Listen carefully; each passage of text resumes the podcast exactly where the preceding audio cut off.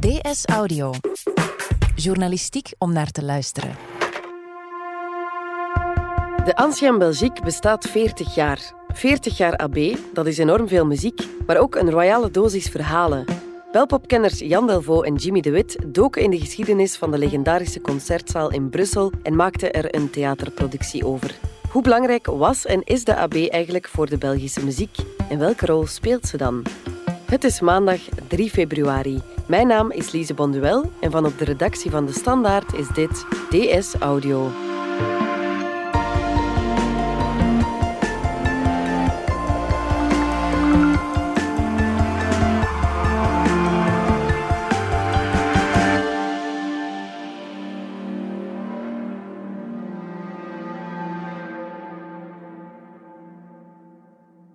Ik heb een sterke band met de AB, uh, omdat ik eigenlijk opgegroeid ben met de AB.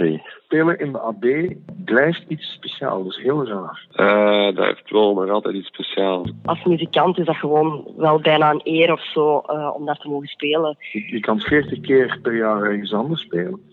Maar die keer dat je in AB speelt, die datum ken je uit het hoofd. Het zal makkelijk 20 keer zijn dat we daar hebben gestaan. Maar dat is niet dat dat, dat, dat wint, dat, omdat het altijd wel de keren dat we daar dan staan, dat zijn altijd bijzondere momenten. Ik ga kijken naar de al, dat is, ja, oh, dat is van de jaren 60 al, ja. Uh, ik ga daar al duizend jaar, enfin ja, uh, bijna 40 jaar denk ik. Als je dan zelf ook zoveel concerten daar gezien hebt, ja, dan, dan is dat sowieso stiekem wel, uh, ja, speelt dat dan wel in je achterhoofd, van daar wil ik ook wel ooit staan. Ja, al, al die groepen die je speelt, dat is, ja, dat is uniek, hè. Dat is gewoon een keurmerk geworden voor kwaliteit. De AB hoeft geen uitleg. Als je vanaf dat licht uitgaat, uh, is dat, uh, ja, is dat uh, de positieve hal. Hè? Een theatershow doorspekt met belpopweetjes. Dat is het succesvolle recept van Belpop Bonanza. En dat alles door de levende harde schijven van de Belgische muziek, Jan Delvaux en Jimmy de Wit. Gisteren speelden ze een show over de AB in de AB. En als je daar niet bij kon zijn, ofwel, is er deze podcast met een paar opmerkelijke verhalen over hoe belangrijk de AB was en is voor de Belgische muziek. Jan en Jimmy, welkom. Hallo. Hallo. De Ancienne Belgique of de AB. Voor veel muzikanten is het de zaal waar ze ooit willen staan, maar wat betekent de AB voor jullie? Jimmy? De, de AB is de tempel. De, de, de, AB is, het, is de heilige graal, denk ik, van de, van de Belgische uh, concertzalen. En ik, ik denk dat zo iedereen die in België muziek maakt, daar ooit wil staan. Ja. ja. Dat is het, het hoogste, denk ik. Ja. Maar het is, het is heel veel veranderd, vind ik wel. Ik bedoel, ooit in de AB spelen was het hoogste. Daarboven was nog Forst Nationaal, maar dat was eigenlijk ondenkbaar. Vroeger was de AB het einddoel als je artiest was. Ja. Nu, nu is dat bijna een instapmodel geworden. ik denk dat er binnenkort groepen in de AB gaan spelen die nog nooit een plaat hebben uitgebracht. Dat het zo is van, en als ik daar sta, dan heeft iedereen mij gezien. Ja. En dan gebeurt het toch. Maar het is, zoals Jimmy aangaf, het is, het is een, ja, noem eens dat, zoek eens een duur Engels woord. Een duur Engels woord? Benchmark. Een benchmark. Wow, ja, het is, het is, je moet daar geweest zijn of je bestaat. Wij zijn er zelfs geweest, voilà. En kan je beschrijven hoe, hoe die eerste keer was dat je ooit in de AB stond? Ja, ik heb er al vaak gedraaid. We hebben er zelfs als theatermakers gestaan. Ja. In de grote zaal, want dat is, niet, uh, dat is niet gebruikelijk. Het goede aan de AB is, die klinkt enorm goed. Ja. Dus als je, op het moment dat je in grote zalen speelt... Ik heb een vooral ervaring als DJ. Dat is al moeilijk. Voor muzikanten is dat nog moeilijker. Dat grote zalen klinken meteen slecht. En, en je hebt dat niet onder controle, nu geluid. Dat is heel vervelend. Want dan sta je op het podium lawaai te maken en je hoort naar alle kanten uitgaan. In een AB is dat niet. Omdat die zaal zo condens en compact is en niet te groot. Ja. Het geeft een heel leuk gevoel om op het podium van de AB te staan. Als je daar iets zegt of roept of gewoon even een plaat opzet, dat komt binnen. Ja. Het is ook iets heel raar met de AB. Als toeschouwer denk ik dat je dan denkt van dat moet een gigantisch gebouw zijn, hè, met die theatertoren. Maar de AB is eigenlijk ongelooflijk klein. Dat is eigenlijk zo twee bureaus. Het is niet als je van het podium stapt dat je dan in een lounge komt uh, of in een champagne room of dat er een parking staat met 80 limo's. Dat is allemaal heel, heel compact en dat, is, dat heeft een heel, heel huiselijke sfeer. Vanuit, het, vanuit de kleedkamers in het artiestenrestaurant zijn het twaalf trappen om op het podium te staan. En dat is iets... Hè, en, toch is, en toch is dat mythisch. En iedereen, toch is dat mythisch, Iedereen ja. vraagt zich af, hè, want je ziet dan artiesten zo links of rechts van het podium verdwijnen. Soms zie je daar een deur open gaan waar wat licht uitkomt. Ja. En iedereen vraagt zich af, wat de hel ligt er daar? Dat is het mekka, het nirvana. Maar dat is eigenlijk gewoon als bij je bomma thuis. Dus dat is het eigenlijk de, de charme, denk ik, van, van het gebouw. Daarom ook dat je ook zo vaak hoort van buitenlandse bands, het is zeer geweldig.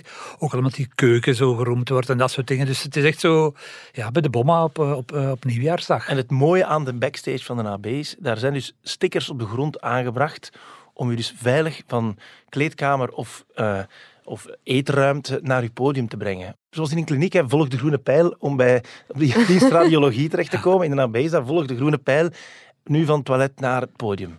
Ja. Ja, de AB spreekt tot de verbeelding van veel muzikanten. Um, waarom is dat nog altijd zo'n mythische plek? Het is een keurmerk. Ja, ik denk nog altijd dat iedereen wil kunnen zeggen, ik heb in de AB gespeeld. Ja. Dat is een keurmerk. Dat, is een zwembervet halen. Ja, dat is een... ja. En het is ook zo'n fantastische zaal. Ik denk dat het leuker is als artiest ook om een paar keer in de AB te staan in plaats van dat in één keer op te lossen met één groot optreden, eender in welke zaal. Ja, ik denk dat dat eigenlijk gewoon veel meer lol is. Ik denk dat ook. En ja, klinkt toch ook goed. De AB, de Ancienne Belgique. Ja. Dat, is, geen coole, verzonnen cc-naam of iets, iets... Sportpaleis is een generisch, daar kan van alles gebeuren. Maar in een AB, ja, dat is een, een, een begrip. Ik denk niet dat je dat, die, die mythische kracht moet onderschatten. Ja. Jullie stonden in de Ancienne Belgique met verhalen over de Ancienne Belgique. Het zijn toch veel letters. Willen we misschien AB? AB. In, de, in de podcast gebruiken we AB. Ja. Uh, de AB, AB. die staan in de AB. Uh, voor sommige muzikanten was het hun eerste concert, zelfs in de AB. Ja, heroïsche debuten. Uh, Noemi Wolfs, dat was zangeres nummer, uh, nummer 5, zangeres nummer 5 van Overphonic. Is er een telling van bijgehouden? Er is een telling van bijgehouden, ja. Buiten het feit dat dat het eerste optreden bij Overphonic was, was dat ook gewoon mijn eerste optreden te koers. Uh, dus dat was ja, heel stresserend. Overphonic had een soort wedstrijd georganiseerd. En ze hadden nog drie kandidaten over en dan hebben ze die in de AB uh, voorgesteld. En dan hebben ze gezegd van, hebben we nog een kleine auditie daar. Die, die audities waren toen boven in uh, de kleedkamers van de club. De winnares was Noemi Wolfs. Dus dat was ook wel cool om, om, om dan daar maanden ervoor daar auditie te hebben gedaan. En dan, ja, x aantal maanden later gewoon op dat groot podium te staan. Uh, dat was wel echt waanzin. Dat is eigenlijk wel heel chic als je zo mocht beginnen. Ja. Langs de grote trappen naar beneden. Ja, ja. Humus Rocker leeft altijd de finale tweejaarlijks in de AB. Ja. En natuurlijk zijn er ook wel een heel pak bekenden bij. Ik denk uh, Tom Barman, zijn eerste groot optreden was ook wel in de AB. Stijn Meuris. Uiteraard. Dat is wel een soort magnetisme dat je in zaal uitstraalt. Ik denk dat dat te vergelijken is met een, een jongen die naar een voetbalmatch gaat kijken. In, in een groot stadion. En die vanop de tribune met een zak chips in zijn hand denkt van... Als ik mijn best doe, mag ik hier misschien ooit voetballen. Het is wel heel fascinerend hoe Stijn Meuris ooit in de AB is terechtgekomen. Stijn woonde in Overpelt, dat was zeker in de jaren tachtig aan de andere kant van de wereld, ongeveer het Australië van België. En uh, hij had een leraar op, op, het Atheneum, uh, die gaf geschiedenis, Mark Hazendongs. En Stijn was toen begonnen met Humo te lezen. En plots las hij in de Humo dat zijn leraar in de finale stond van Humo's Rock Rally. Een van de allereerste concerten die ik ooit in mijn leven zag. Ik was toen 16 of zo, denk ik, of misschien 15 begin jaren 80 uh, was in de AB. Um, de finale van de Rock Rally destijds. Met de Brassers. De Brassers, de groep dus waar die leraar in speelde, die hadden, hadden de finale gehaald. Hij was de eerste muzikant die ik ooit zag in mijn leven. Um, hij speelde bas. En bovendien zag je een beetje atypisch uit voor iemand uit die tijd in die regio van het land, Noord-Limburg. Dat was ook de eerste punker die ik ooit zag. en die bleek dan in een groepje te spelen genaamd de Brassers. Ja, dat fascineerde mij en een aantal andere jongens uit de klas uh, mateloos. Dat dat überhaupt kon. Dat was mijn eerste kennismaking met de AB. De volgende dag zei hij op school op de speelplaats, mannen, wat een haas, want dat was de bijna van de leer, wat je kan, dat kunnen wij ook. En dan is hij een groepje gestart, zijn broer zat er ook in. In de week die daarop volgde hebben we ons eerste groepje opgericht in de klas. Uh, allemaal gasten van 15, 16 jaar, uh, begin jaren 80. Hè. De mijnen gingen dicht, crisis in Limburg, dus ze maakten van die heel doemachtige new wave in het, in het Nederlands. Dat groepje heette Groepenbeeld. Groepenbeeld, dat was ook al echt iets voor Stijn eigenlijk.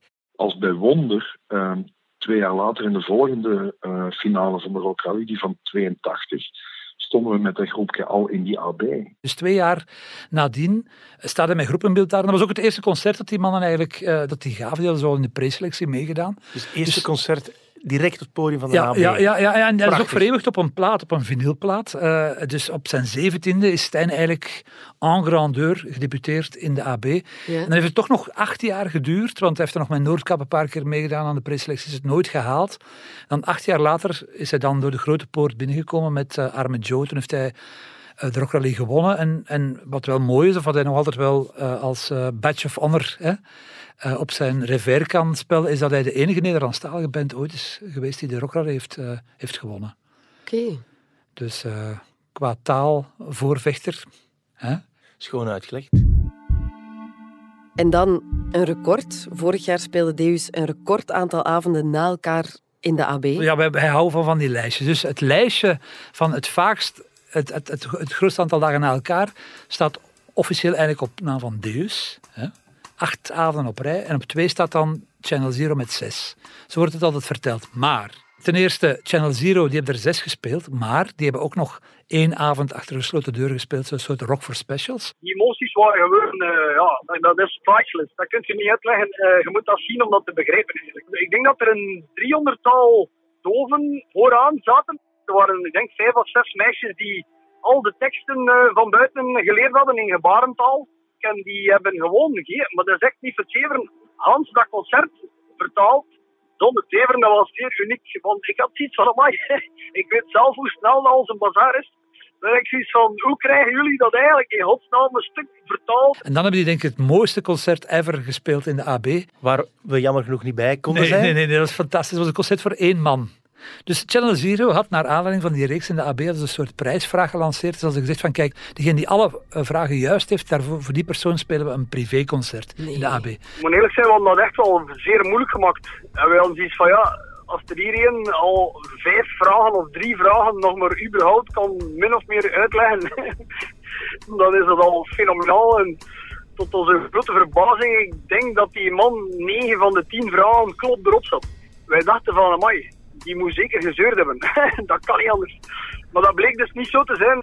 Ja, die heeft dat, dus, die heeft dat gewoon met eh, verven gewonnen. Dat was buiten kijf, want ik denk dat hij zelfs bijna meer wist dan onze eigen Rodis. Dus En die hebben dus een volledig concert met alles erop en eraan. Lichtshow hebben die voor die man gespeeld. echt het volledige concert van A tot Z. En die gast zat in het midden van de zaal, met naast hem een koelkast, een koelkast vol met pintjes. heeft hij heel dat concert gezien, erg. En dat was wel grappig, want die applaudisseerden ook. Ja, dat was echt wel heel absurd eigenlijk, maar toch wel waanzinnig eh, een onvergetelijk moment. Dus dat maakt eigenlijk ook al acht. En het hangt er ook maar vanaf, van, vanaf wanneer je begint te tellen. Want we vieren nu 40 jaar AB. Dat is de AB zoals we hem nu kennen. Maar de AB bestaat al van 1931. En in de jaren 60. Brel heeft er acht of negen avonden op rij gestaan. Lilian Saint-Pierre zelfs zes of zeven.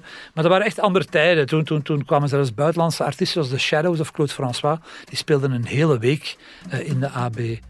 Het aantal avonden op een rij is Ja, ja. deze. Maar de, de, de, de persoon die het vaakst eh, heeft gespeeld in de AB...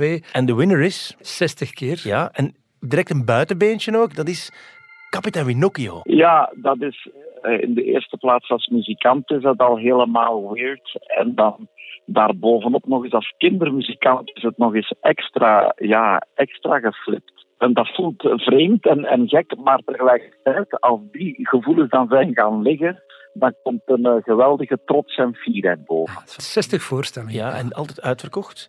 60 concerten.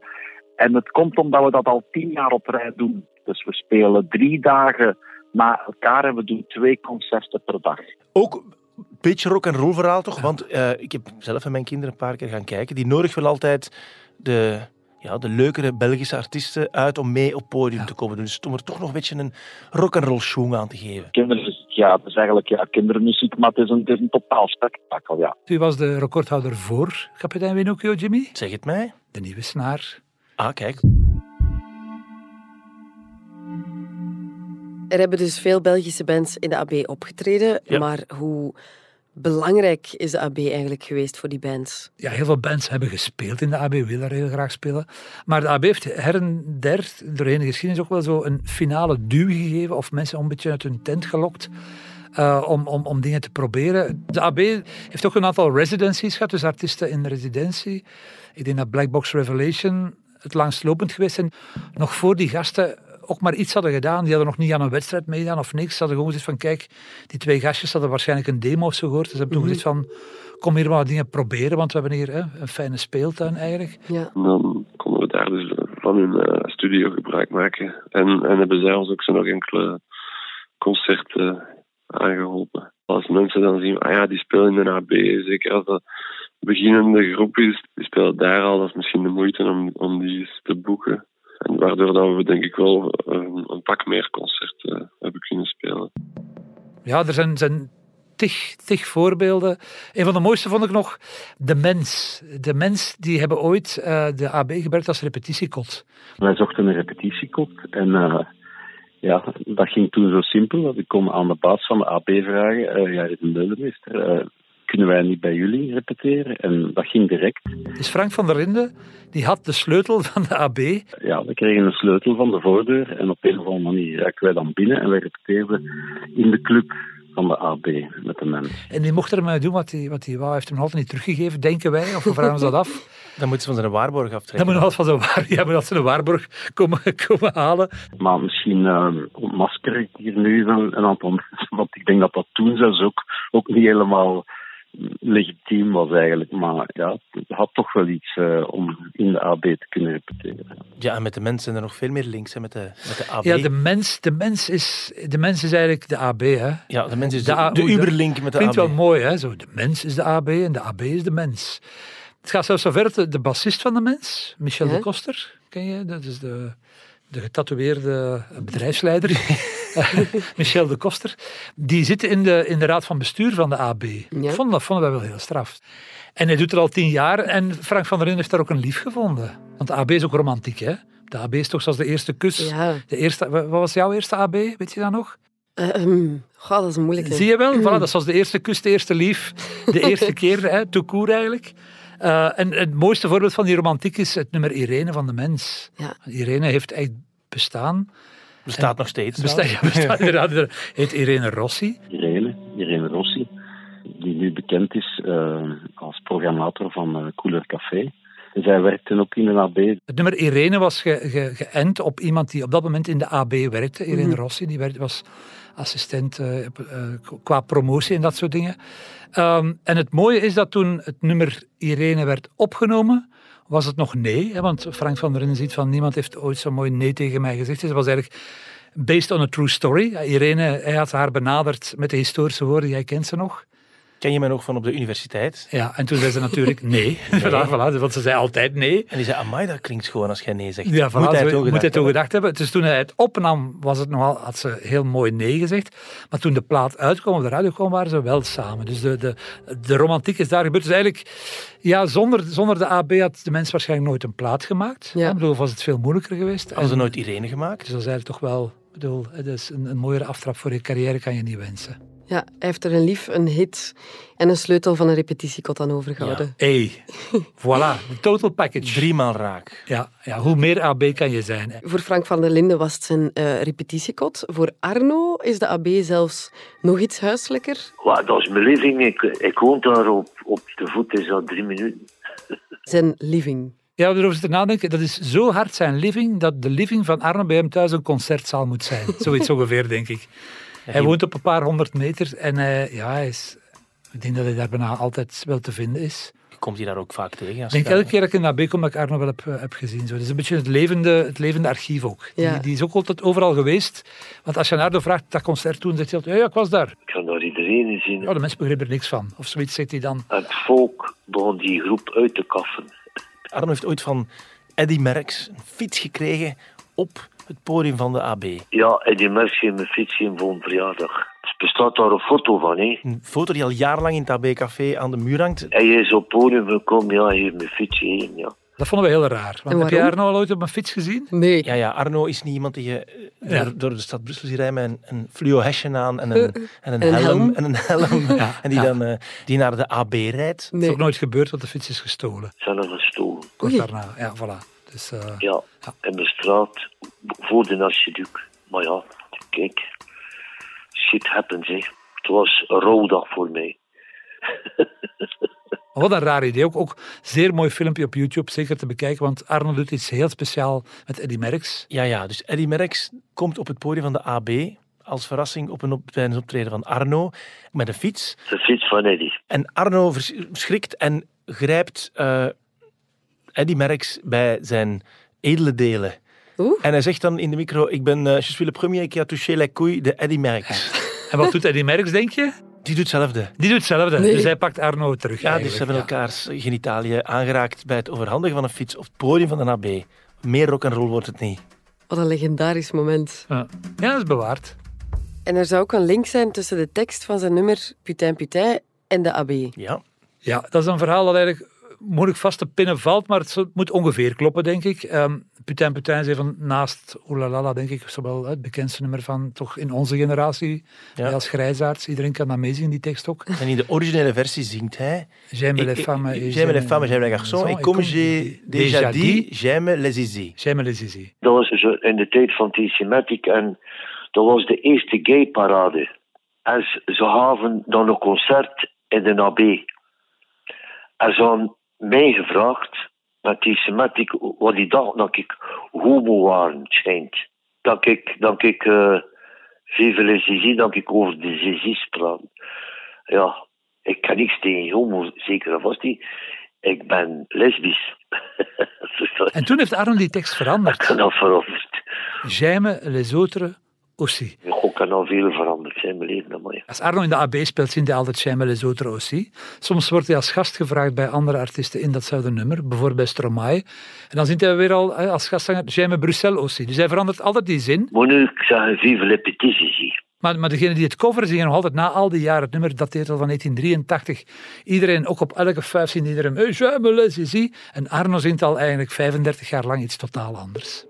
We hebben het nu ja, over de live-versies van Arno, maar er bestaan ook ongelooflijk veel live-opnames eh, van concerten in Ja.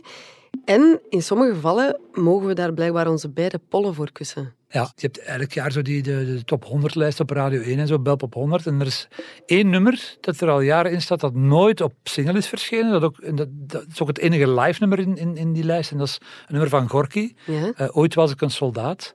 Eh daar bestaan twee versies van, twee live versies. En die zijn allebei toevallig ook in de AB met een, een tussenpauze van 20 jaar zijn die eh, daar opgenomen. Ja, dat, is, dat, was eigenlijk de bedoeling niet. Ehm, Gorky was gevraagd om op de boterhammen te spelen. Dat is het zomerfestival van, van, van de AB in het uh, Warandenpark. Boterhammen in het park. Ja, boterhammen in het park, inderdaad. En Gorky ging voor het eerst ooit akoestisch spelen. Ze had ook één nieuw nummer gemaakt en dat heet Ooit was ik een soldaat. Gingen ze daar voorstellen. En iedereen die in de zaal stond, had zoiets van, wauw, wat een nummer. En zelfs de plaatfirma had het nooit gehoord, ook de producer waar ze mee werkte. Niemand had dat nummer ooit gehoord. En de platenbaas zegt van, ja, daar moeten we een plaat van maken, al is het maar op honderd exemplaren. En dat is dan zo'n beetje een cultus geworden. Die plaat heet ook Boterhammen, dus die heeft eigenlijk ook de, de, zijn titel ontleend uh, aan, de, aan de AB. En dat is echt zo, ja, je had Mia, maar je hebt ook de, de echte die-hard fans van Gorky vinden dat het beste nummer. Mm -hmm. Het is nooit op plaat opgenomen, wat nog altijd een groot mysterie is. En ik heb het nu aan de manager uh, gevraagd. Mm -hmm. Het is een van de, van de grootste raadsels in de Belgische popgeschiedenis. Pas na een duur etentje wil ik het jou vertellen. Dus we zoeken nu sponsors en als ja. jullie dan... Uh, ja, we zoeken ons via een crowdfunding 500 euro om te weten te komen waarom ooit was ik een soldaat nooit op plaat is uh, opgenomen. En dan bel je ons, hè? Tuurlijk. Ja. Dan komen we terug langs. Dat is een deal. Ooit was ik een soldaat is nu eigenlijk intussen een, een culthit. Mm -hmm. uh, zijn er nog nummers die ja. ook uitgegroeid zijn tot culthit dankzij de AB? Er is nog zo'n prachtig nummer van uh, Willem Vermanderen, Bange Blanke Man. Ja? We zijn november 1991 en Jari de Meulemeester, dat is de directeur van de AB, die vraagt aan Willem Vermanderen om een lied te schrijven over Brussel. En dat wordt dus Bange Blanke Man. En uh, er was ook een optreden van hem gepland toen in de AB. En ter promo drukken ze de tekst van het lied af. Prachtige tekst ook. En dat dient als affiches. Die hangen overal verspreid uh, in Brussel. Nu, dat blijkt van een gigantisch profetische waarde te zijn, want we zitten net uh, bij Zwarte Zondag, november 1991. Vlaams Blok die zijn grote verkiezingsoverwinning haalt. Ja. Dus profetischer kon het niet zijn. En een, ja, een betere promostunt voor een, een, een, optreden, denk ik, is er ook nooit geweest. En die affiches zijn dus, die op alle campagneborden gehangen in het hele land. Dus de ABA haalde plotseling het nieuws. Ja, ja voor anderen, het is een... Uh een woordkunstenaar. Hè? Ja. Eh, hetzelfde kan gezegd worden nu over zwangere Guy. Mhm. Ehm, iemand van wie zijn eh, muziekcarrière in plaats van voor de schermen, achter de schermen startte. Klopt. Ja, dat is het Ja, mooiste dus- cadeau eigenlijk ja. voor 40 jaar AB. Ja, dat is het soort sprookje eigenlijk. Ja, voor, voor Zwanger Guy is de AB een beetje alles. Hij was er de eerste keer op zijn veertiende. Toen ging hij kijken naar Star Vlam. Dat is een van de Ja. eerste iconische... Belgische hiphoppers. Ja, zwangere Guy vertelt daar ook over in de podcast van Studio Brussel over 40 jaar AB, gemaakt door Rick de Bruiker.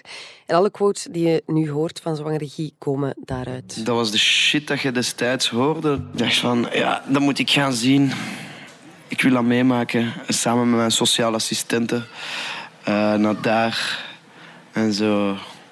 Oké.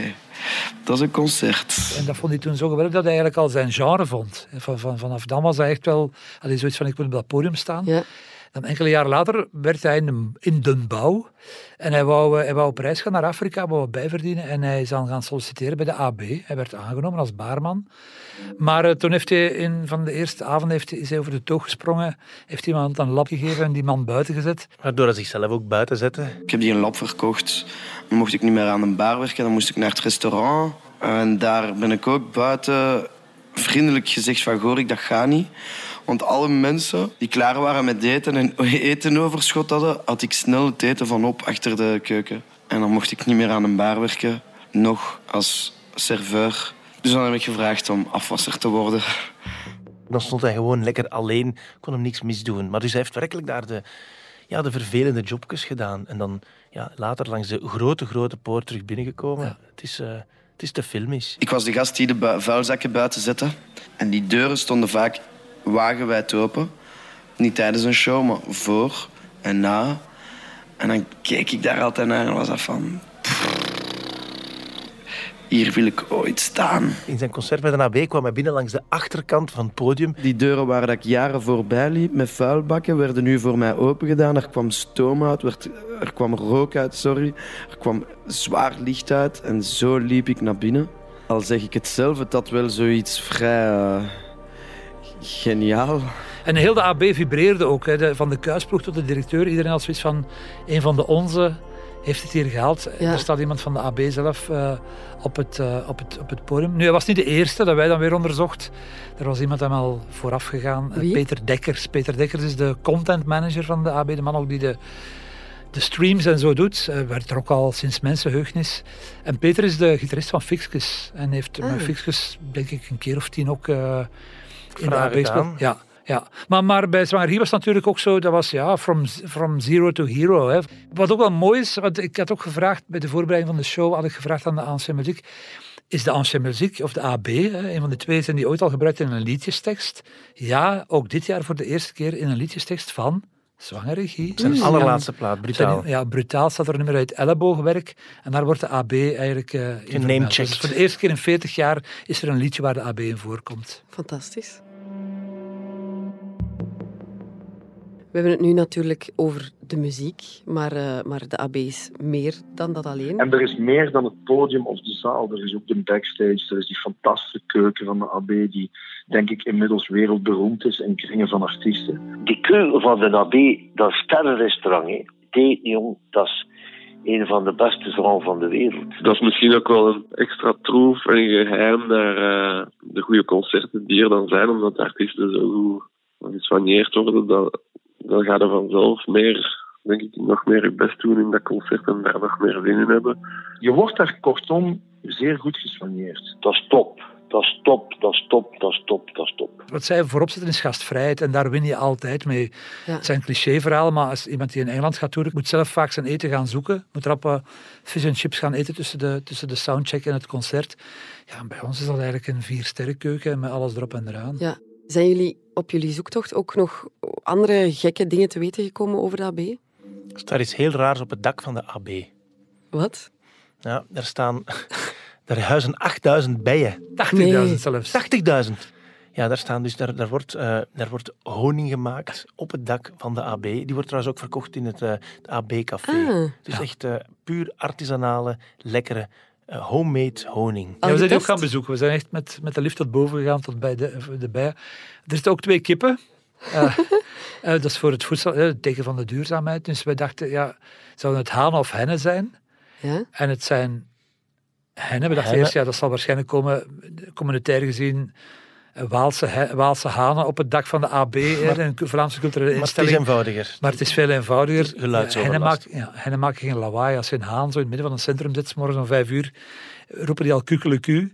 Dus eh, daarom staan er twee hennen. En, en het is ook voorzien dat ze maar, ze mogen maar de helft van de dag in de zon lopen of zoiets. Het wordt gecontroleerd. Ja, het, het is niet wordt dat daar, allemaal, het is niet dat daar twee Nee. kiekjes boven Nee. zitten. Nee, het is, eh, Nee. het is gecontroleerd. Maar wat een gedachte, terwijl dat Triggerfinger en Queen of the Stone Age beneden aan het bonken zijn, liggen er boven twee kippen te slapen. En hebben ze ook hun nut? Ja, ze eten dus al het, al het groenteafval van de keuken eten ze op. Hè. Dus het zijn, het zijn ja, hoe noem je dat? Professionele kippen. Recycling chickens. Recycling chickens zijn het. Ja. Ik zal eraan denken de volgende keer als ik in de AB sta. Geen concert zal nog hetzelfde zijn. Jan Delvaux en Jimmy de Wit, dankjewel. Graag gedaan. Zeer graag gedaan. Dit was DS Audio. Wil je reageren? Dat kan via dsaudio.standaard.be. In deze aflevering hoorde je Jan Delvaux, Jimmy de Wit, Noemi Wolfs, Stijn Meuris, Jan Paternoster, kapitein Winocchio, Frank van der Linden, Arno Hintjens, Zwangere Guy en mezelf, Lise Bonduel. Ik deed ook de redactie samen met Joris van Damme. Eindredactie gebeurde door Wouter van Driessen. Joris van Damme deed de audioproductie. Brecht Plasgaard schreef de muziek die je hoorde in deze podcast. Chef audio is Wouter van Driessen. De fragmenten die je hoorde van Zwangere Guy komen uit 40 jaar AB, een podcast van Studio Brussel door Rick de Bruiker. Vond je deze podcast interessant? Weet dan dat je er elke werkdag één kunt beluisteren. Dat kan via de DS Nieuws app of via standaard.be-audio. Je kunt je ook abonneren via Apple Podcasts, Spotify of de podcast app van je En als je daar dan toch bent, schrijf gerust een review. Zo toon je ook anderen de weg. Morgen zijn we er opnieuw.